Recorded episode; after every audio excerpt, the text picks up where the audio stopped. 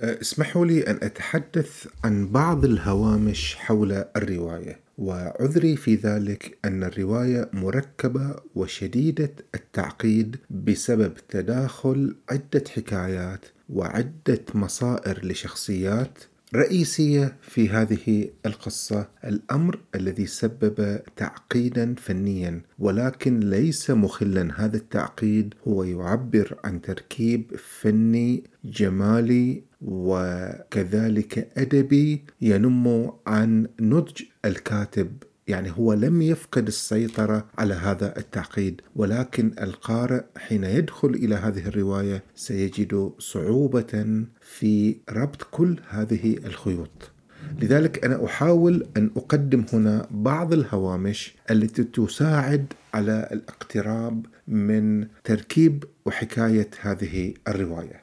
اولا خلونا نتساءل. دعونا نتساءل حول التاريخ الحقيقي في هذه الرواية. نعم هناك تاريخ حقيقي وفريد قالها عدة مرات أنه بذل مجهود كبير في الذهاب إلى الوثائق البريطانية لكي يستطيع أن يكتب هذه الرواية. هناك سفينة في سنة 1896 قد تحطمت وشبه غرقت في المحيط الهندي بالقرب من بحر العرب.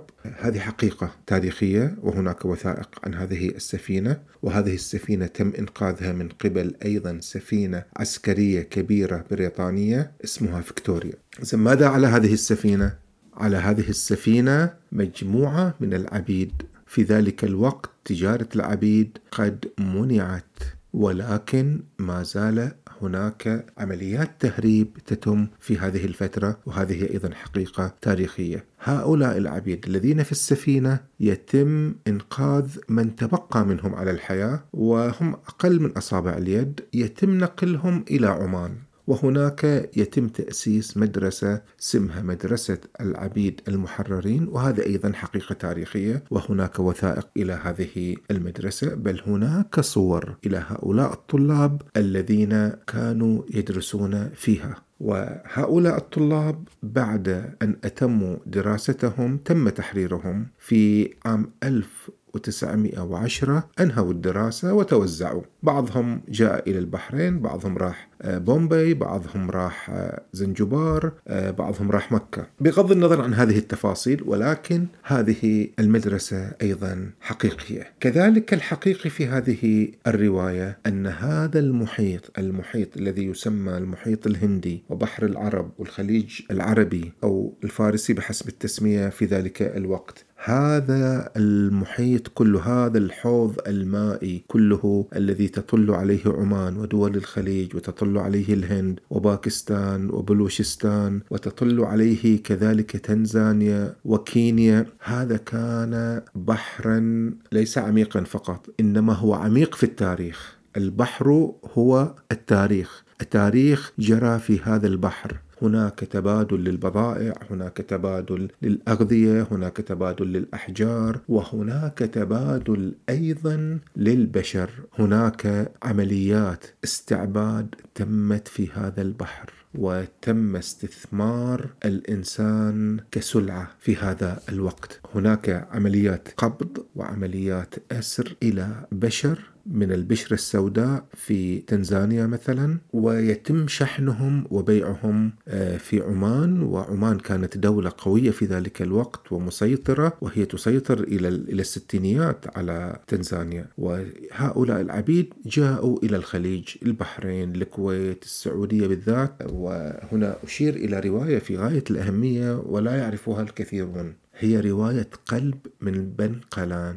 قلب من بنقلان. بنقلان موجودة في بلوشستان. هذا القلب هو أم سيف الإسلام بن سعود. هذا الروائي الذي هو ابن الملك السعودي سعود بن عبد العزيز أول ملك بعد موت الملك السعودي المؤسس عبد العزيز. هذا سعود أنجب ابن هذا الابن كاتب وروائي وأستاذ جامعي. كتب هذه الرواية طبعا وسحبت من الأسواق. هذه الرواية تروي قصة والدته مع مجموعة من العبيد. هم لم يكونوا عبيد هم تم سرقتهم.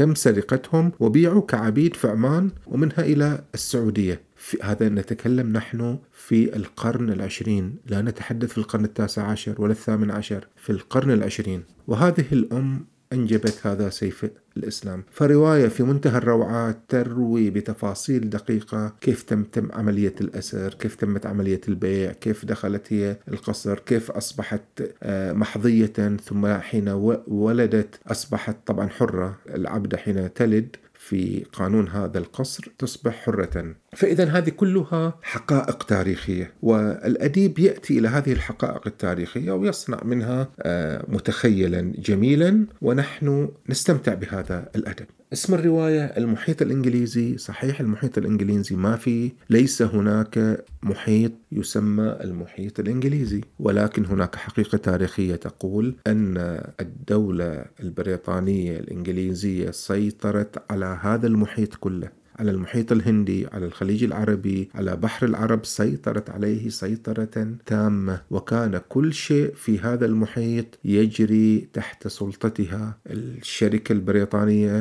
أو شركة الهند الشرقية المشهورة. هذه كانت هي الوجه آه، الاستعماري والمعبر عن حضور بريطانيا في الهند وفي الخليج وفي أوروبا. كان هذا محيطها. وتم الحقيقة التاريخية أيضا ممكن نؤكد عليها أن محاربة العبيد وتجارة العبيد في هذه الوقت ومحاربة القراصنة في, في هذا الوقت الهدف منه أن يجعلوا هناك ممرا آمنا للتجارة وللبضائع.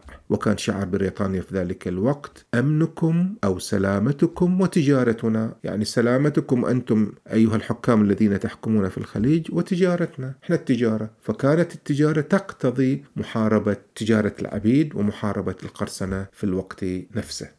فالرواية إذا المحيط الإنجليزي هي معنية برواية قصة الإنسان، قصة حريته، قصة صراعه ضمن هذا المحيط، ما الذي كان يحدث هنا؟ الإنسان، تاريخ هذا الإنسان، تشكل هويته، تشكل حريته، تشكل عبوديته، كيف تم في هذا المحيط؟ هذا جزء من تاريخ الإنسان في الخليج، هذه الرواية تقدم لنا بشكل إبداعي في غاية الدقة وفي غاية العمق تاريخ الإنسان والعبيد هم في هذا في هذه الرواية يعني هم ليسوا موضوعا اساسيا يعني هم ليسوا ليس معني بقصة العبيد إلا بقدر ما هو معني بقصة تشكل الدولة وتشكل الإنسان وتشكل الحرية في هذه المنطقة. العبيد هم ناس من هؤلاء الناس الذين تم قمع حريتهم، لم يعترف بهم، لم يمنحوا الحق الإنساني وغيرهم أيضا لم يمنح أيضا هذا الحق. الرواية مشغولة بها بهذا الموضوع لذلك تحاول أن تذهب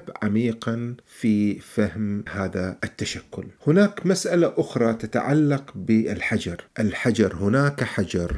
الرواية تجعل من هذا الحجر سر الأسرار. يعني الرواية من بدايتها إلى نهايتها هذا الحجر والأساطير المكونة حوله تحضر في كل فصل من فصول الرواية وفي كل مفصل من مفاصل الرواية. وهذا شيء أيضا من إبداع الرواية إنه كيف استطاعت أن تمزج حبكة روائية جميلة بهذا الحجر. يعني هذا الحجر آه، لم يك يعني الحجر إحنا حين نراه نراه حجرا مجرد حجر. ولكن الروائي والأديب يحيل هذا الحجر إلى حكاية فهو أدخل كل هذا التاريخ اللي تحدثنا عنه كل هذا الواقع التاريخي حركه من خلال هذا الحجر. فإذا الحجر كان موجود في السفينة وهو لأنه حجر يحمل اللعنة ويصدر ضوء أحمر ويجلب الكوارث فهو الذي تسبب في غرق هذه السفينة. هذا الحجر عادة يكون مربوط بفظائع في صوت من الطبول يسمع حين يبدأ يتحرك. حين تبدأ الكارثة صوت الطبول الأفريقية وهناك القمل وهناك العواصف هناك الموت هناك القتل. هذا الحجر ينتقل بعد ذلك إلى مدرسة العبيد ثم ينتقل أيضا إلى مكة ثم ينتقل إلى صقر وهي مدينة أيضا أو قرية موجودة في بلوشستان ثم ينتقل إلى البحرين. يعني هذه التنقلات طبعا بشكل فني وبشكل محبوك. ينقلنا ولكن هذا الحجر كان هو الجانب المتخيل في هذه الرواية التي أعطاها بعدا فنيا وجماليا أخاذا. والحجر يعني كما في الرواية يقول أن له شهوة تشبه شهوة الإنسان فهو وفي هذه الشهوة العنف والتدمير وتوحش أيضا ويقول لنا أيضا في هذا الحجر كالإنسان. يعني هو الحجر ده فعلا يعبر عن أعماق الإنسان لأن حوالي أساطير كثيرة كما حول الإنسان أساطير كثيرة. في إحدى التأويلات تقول إن هذا الحجر هو من الجنة. في إحدى التأويلات تقول هذا الحجر قد نزع منه إبليس خصائصه الخيرة. بعض التأويلات تقول إن هذا الحجر باطنه رحمة وفي روحه عصف ودمار. بعضها تقول إنه انتزع من أرض مقدسة. بعضهم يقول إنه ياقوت الجنة. كل هذه التأويلات التي تشتغل في الحجر وتعمل في الحجر هي كانت تعمل أيضا في الرواية وتعمل أيضا في الإنسان وتحدد أيضا مصائر الناس الذين يملكون هذا الحجر أو يقعون تحت سلطته به أو يكونون هم سدنته. وهذه يعني في الرواية فيها تفاصيل متخيلة كثيرة متعلقة بهذا الحجر.